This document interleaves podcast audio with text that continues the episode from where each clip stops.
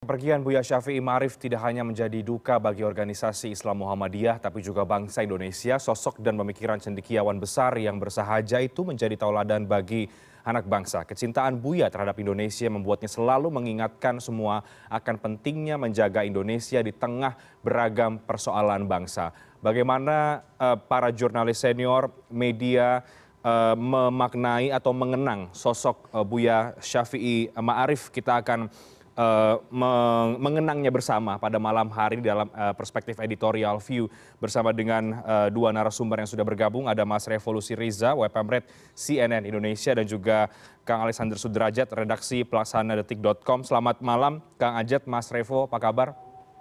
Selamat malam Renhat. Ya. Baik Kang Ajat dan juga Mas Revo, uh, pekan ini kita kehilangan bangsa Indonesia kehilangan sosok yang uh, sangat luar biasa, Buya Syafi'i Ma'arif saya mungkin ke Mas Revo dulu. Kalau dari Mas Revo atau mungkin editorial kita, Mas Revo me melihat uh, kehilangan yang besar ini seperti apa dari sosok Buya Syafi'i Ma'arif yang secara sosok menjadi tauladan karena sangat bersahaja, tapi juga pemikiran-pemikirannya sangat luar biasa, terutama soal negara, Islam, dan juga uh, uh, keindonesiaan. Ya, Reinhardt, kita memang pada pekan ini kehilangan sangat besar ya. Buya Syafi'i Ma'arif ini kan sosok yang sangat istimewa gitu di mata kita semua. Beliau pemikiran-pemikirannya, sulit tauladannya itu terasa betul sangat istimewa, terutama ketika uh, di beberapa waktu terakhir ada sempat ya rehatnya kita ini sempat ada ada uh, uh, proses beberapa kalangan yang intoleran itu menguat, intoleransi menguat. Ya Syafi'i Eh, itu tampil sebagai sosok yang kita kan yang uh, pada kita harus bernegara. Uh, teladan-teladan lain juga tidak perlu kita sampaikan lagi ya Renhat ya bagaimana sosok Anas beliau ini menampilkan teladannya dengan sangat luar biasa kebersahajaannya itu tidak mengurangi pemikiran-pemikiran yang bernas dan tidak mengurangi bagaimana kita menempatkan beliau di makom tertinggi. Nah memang eh, kita kehilangan. Tentunya kita semua berharap gitu ya eh, ketika satu patah eh, dan tumbuh ganti gitu. Nah ada hilang kemudian eh, tumbuh berganti. Dan tentu kita berharap apa ketika Buya eh, Ma'arif ini meninggalkan kita maka muncul pengganti-pengganti yang lain yang tidak kalah eh, eh, dalam gitu eh, untuk menjadi Eh, sosok sosok teladan bagi kita semua gitu kan ya.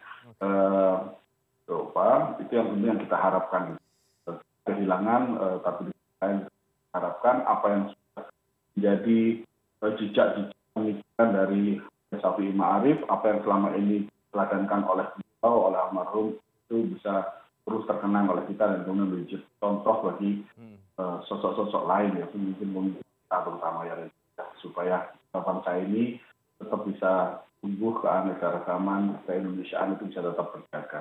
Oke.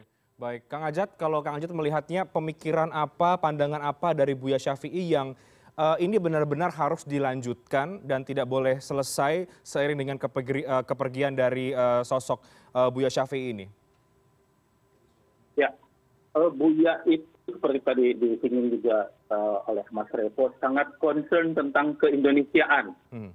Meskipun uh, masa mudanya Buya itu sempat disebut punya obsesi uh, ingin mendirikan uh, negara Islam juga di hmm. Indonesia itu ya. Tetapi kemudian uh, setelah beliau uh, bergaul dengan banyak tokoh, terutama ketika beliau mengambil program doktoral di Chicago, beliau berguru ke apa salah satu gurunya itu adalah Fazrul Rahman, seorang apa uh, pemikir modernis Islam perlahan lahan pemikiran beliau berubah. Hmm.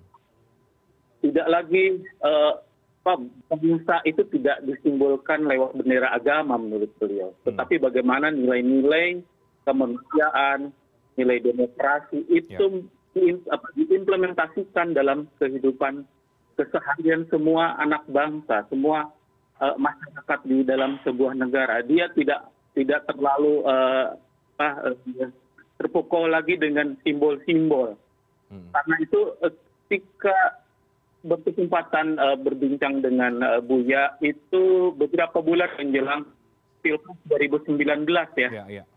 Ketika itu kan apa friksi di tengah masyarakat kita lihat antar Begitu tokoh tajam ya, bagaimana membawa-bawa agama untuk kepentingan Hmm. politik dan itu sangat membuat uh, ya sampai sangat galau sangat terkait karena dampaknya uh, sampai kan ini sangat panjang dia bilang. dan itu terbukti sampai sekarang kan hmm, hmm. Oke, jadi nilai-nilai keindonesiaan yang kemudian em, itu yang eh, harus tetap dilanjutkan dan tetap harus eh, diimplementasikan pemikiran dari seorang Buya eh, Syafi'i. Kang Ajat, sosok Buya juga belakangan kita lihat ikut menyoroti ya sejumlah persoalan bangsa lainnya ketika kemudian ikut mengkritik eh, seleksi TWK KPK, kemudian juga menyoroti soal intoleransi yang berkembang. Artinya meskipun tidak lagi menjabat eh, sebagai ketua PP Muhammadiyah, tapi Buya Syafi'i juga eh, apa tetap aktif menyampaikan pemikiran beliau. Apa yang Kang Ajat lihat dari sosok Buya ketika tetap tetap mengkritisi pemerintahan pada beberapa titik ya, meskipun juga dianggap juga mungkin punya kedekatan dengan Presiden Joko Widodo. Betul. Eh, Kenapa eh, Profesor Ahmad Syafi'i Ma'arif itu dijuluki Buya, artinya seorang yang sangat eh, dituakan gitu. Antara karena beliau itu menyampaikan sesuatu itu dengan tulus, tanpa pamrih.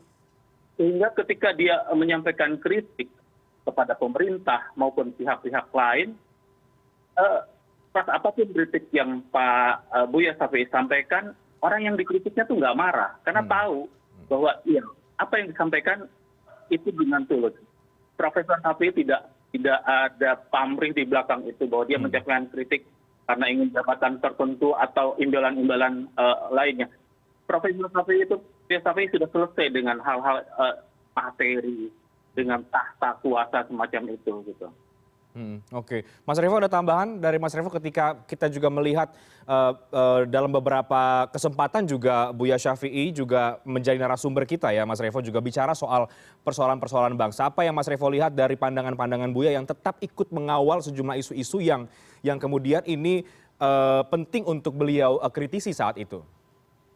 Ya, negara itu memang salah satu kelebihan dari ya Sabi Mahari dari kita dalam bertugas jurnalistik kali eh, pernah merasa kesulitan ketika kita hendak mewawancara eh, jika memang ada kesempatan itu kita akan nolak dan eh, rekan-rekan kita masyarakat dan yang yang pasti memang kenapa kita selalu eh, dalam beberapa hal gitu ya jika ada kerumitan-kerumitan sosial politik Hmm. salah satu sosok yang kita kita undang untuk menyampaikan pandangan secara jernih salah satunya adalah kita. Karena memang selama ini eh, beliau eh, pandangan-pandangan selain dan tidak ada tendensi politik yang disampaikan oleh kami ketulusan-ketulusan itu tampak dalam statement-statement eh, beliau, eh, pandangan-pandangan beliau, eh, makomnya memang sebagai guru bangsa dan eh, sekali eh, kritiknya tajam tapi disampaikan pula dengan cara yang sangat eh, santun. Artinya memang beliau ini sosok yang sangat lengkap secara kedalaman agama, kesalehan, eh, pemikiran-pemikiran sosial politiknya, daerah lengkap dan pasti tendensi-tendensi politiknya itu semuanya tulus gitu untuk memang.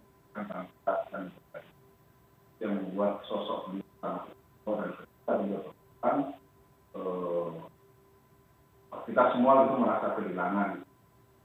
Eh, apa namanya eh, hampir semua kalangan menyampaikan kan, eh, yang istimewa juga eh, dalam beberapa hal yang kita eh, apa himbauan bahwa tidak perlu sekarang kita lihat ya kita ini banyak ya tapi kan ada juga bahwa supaya tidak perlu kalangan masih beliau menampilkan kesal apa sederhanaan dan kebahagiaannya itu sampai di akhir eh, eh, eh, apa sosok yang memang luar biasa dan lagi-lagi tentu kita berharap menjadi pelajaran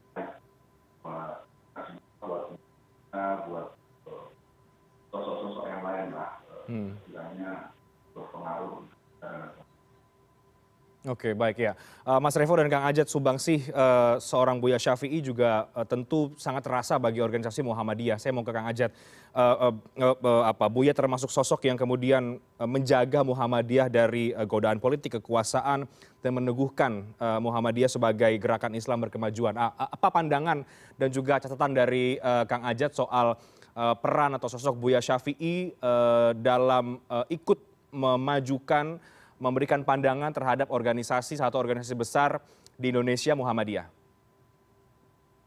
Ya, uh, selama memimpin Muhammadiyah boleh dibilang uh, beliau dari sisi politik ya khususnya hmm. tadi beliau sangat mampu menjaga independensi itu, hmm. tidak tergoda, tidak terombang-ambing untuk ikut cawe-cawe ke kekuasaan.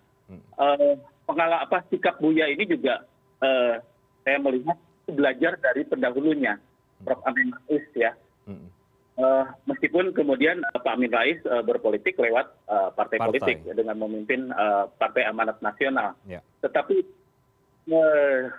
ada gerakan tubuh atau manuver manuver tertentu yang diakui atau tidak sebagai ketua umum partai PAN waktu itu hmm. tetap membawa-bawa apa organisasi Muhammadiyah. Pak Sapi Ma'arif, Buya Sapi ini sebagai penerus Pak Amin, meskipun beliau juga bersahabat dekat dengan Pak Amin, sama-sama berkuliah di Chicago, beliau mencoba menjaga itu supaya tidak ditarik dengan uh, terlalu kuat gitu ke partai politik. Dan uh, Buya Sapi punya wibawa untuk menegakkan itu. Hmm.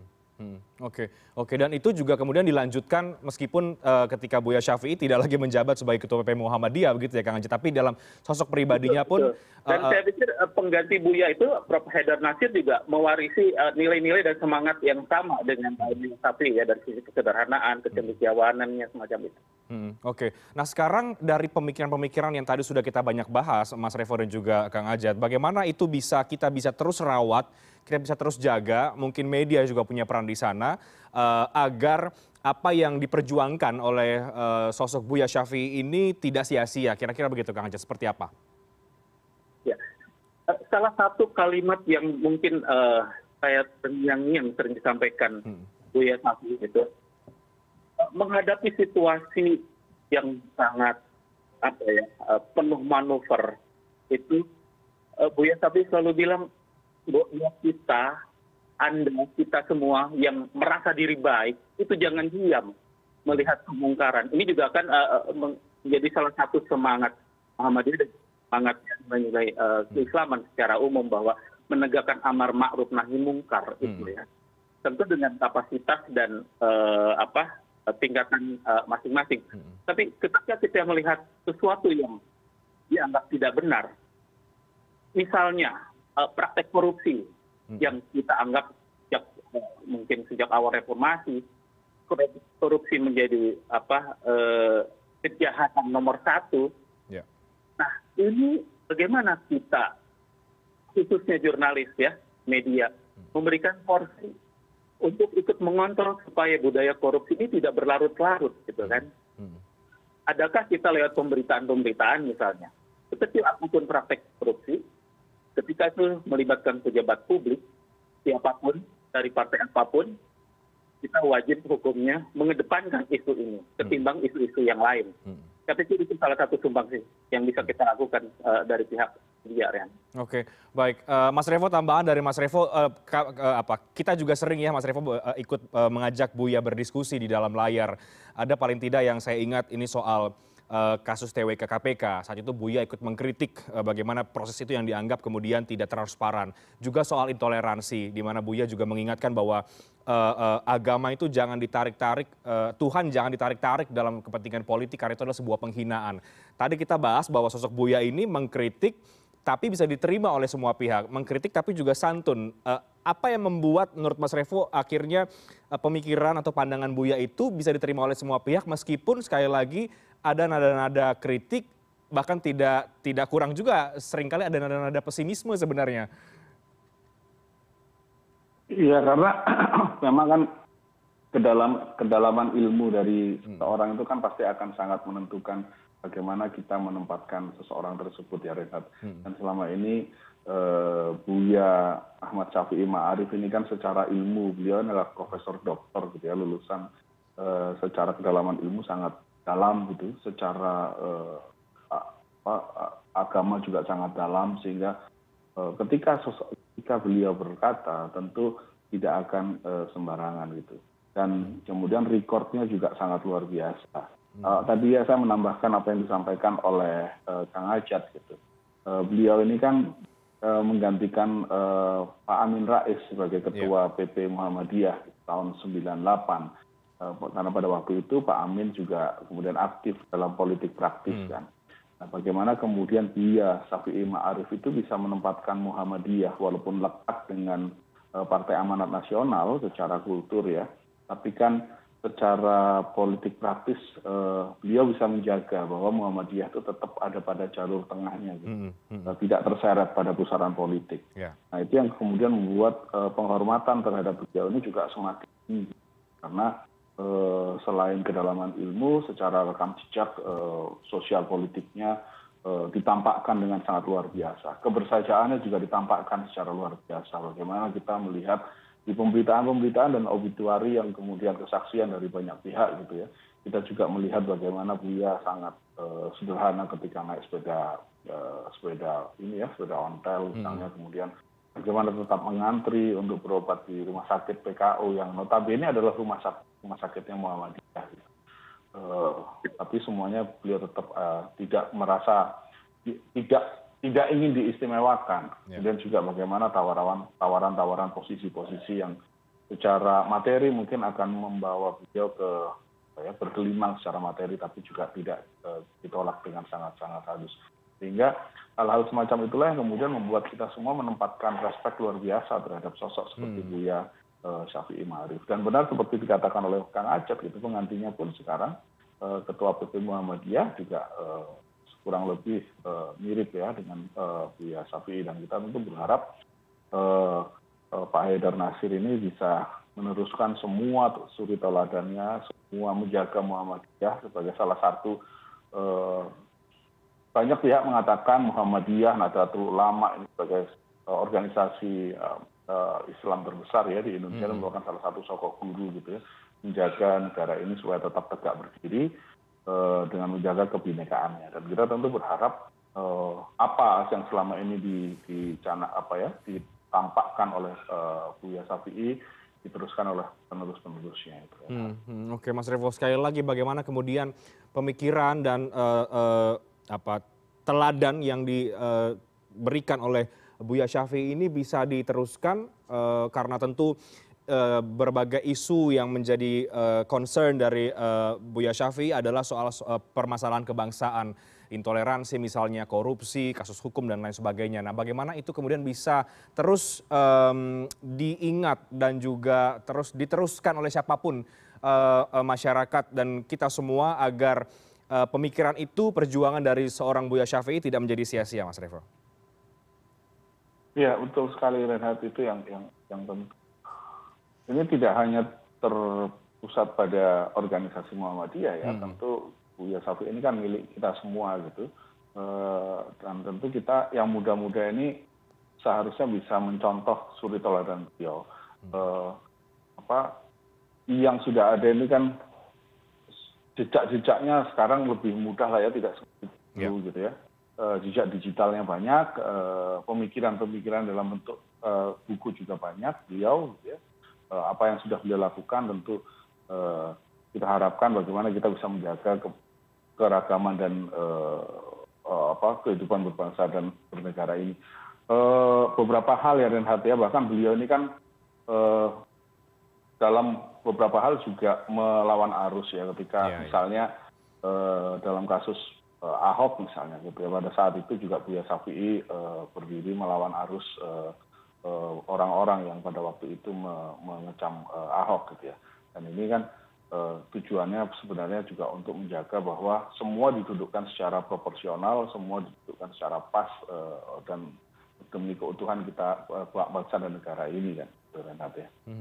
Oke baik. Terima kasih Mas Revo dan juga Kang Ajat untuk isu yang soal uh, atau untuk pembahasan kita mengenang uh, Buya Syafi'i uh, Ma'arif. Sekali lagi kita berharap pandangan dan pemikiran beliau ini bisa dilanjutkan oleh kita semua terutama pada hal-hal isu-isu yang berkaitan dengan kebangsaan, keindonesiaan, kebinekaan dan juga Pancasila. Kita Eh, ke isu yang lain, Kang Ajat dan juga Mas Revo ini soal uh, geliat Capres 2024 yang tampaknya mungkin sudah mulai menguat. Ada beberapa nama yang kemudian muncul, ada pertemuan antara Presiden dengan Ketua Umum Partai Nasdem, ada kode yang diberikan oleh Presiden Joko Widodo. Bagaimana kita media melihat dinamika itu? Apakah memang sudah mulai mengkristal, sudah mulai mengerucut nama-nama itu atau ini sekali lagi masih sangat dinamis? Tapi kita break terlebih dahulu, kami akan segera kembali sesaat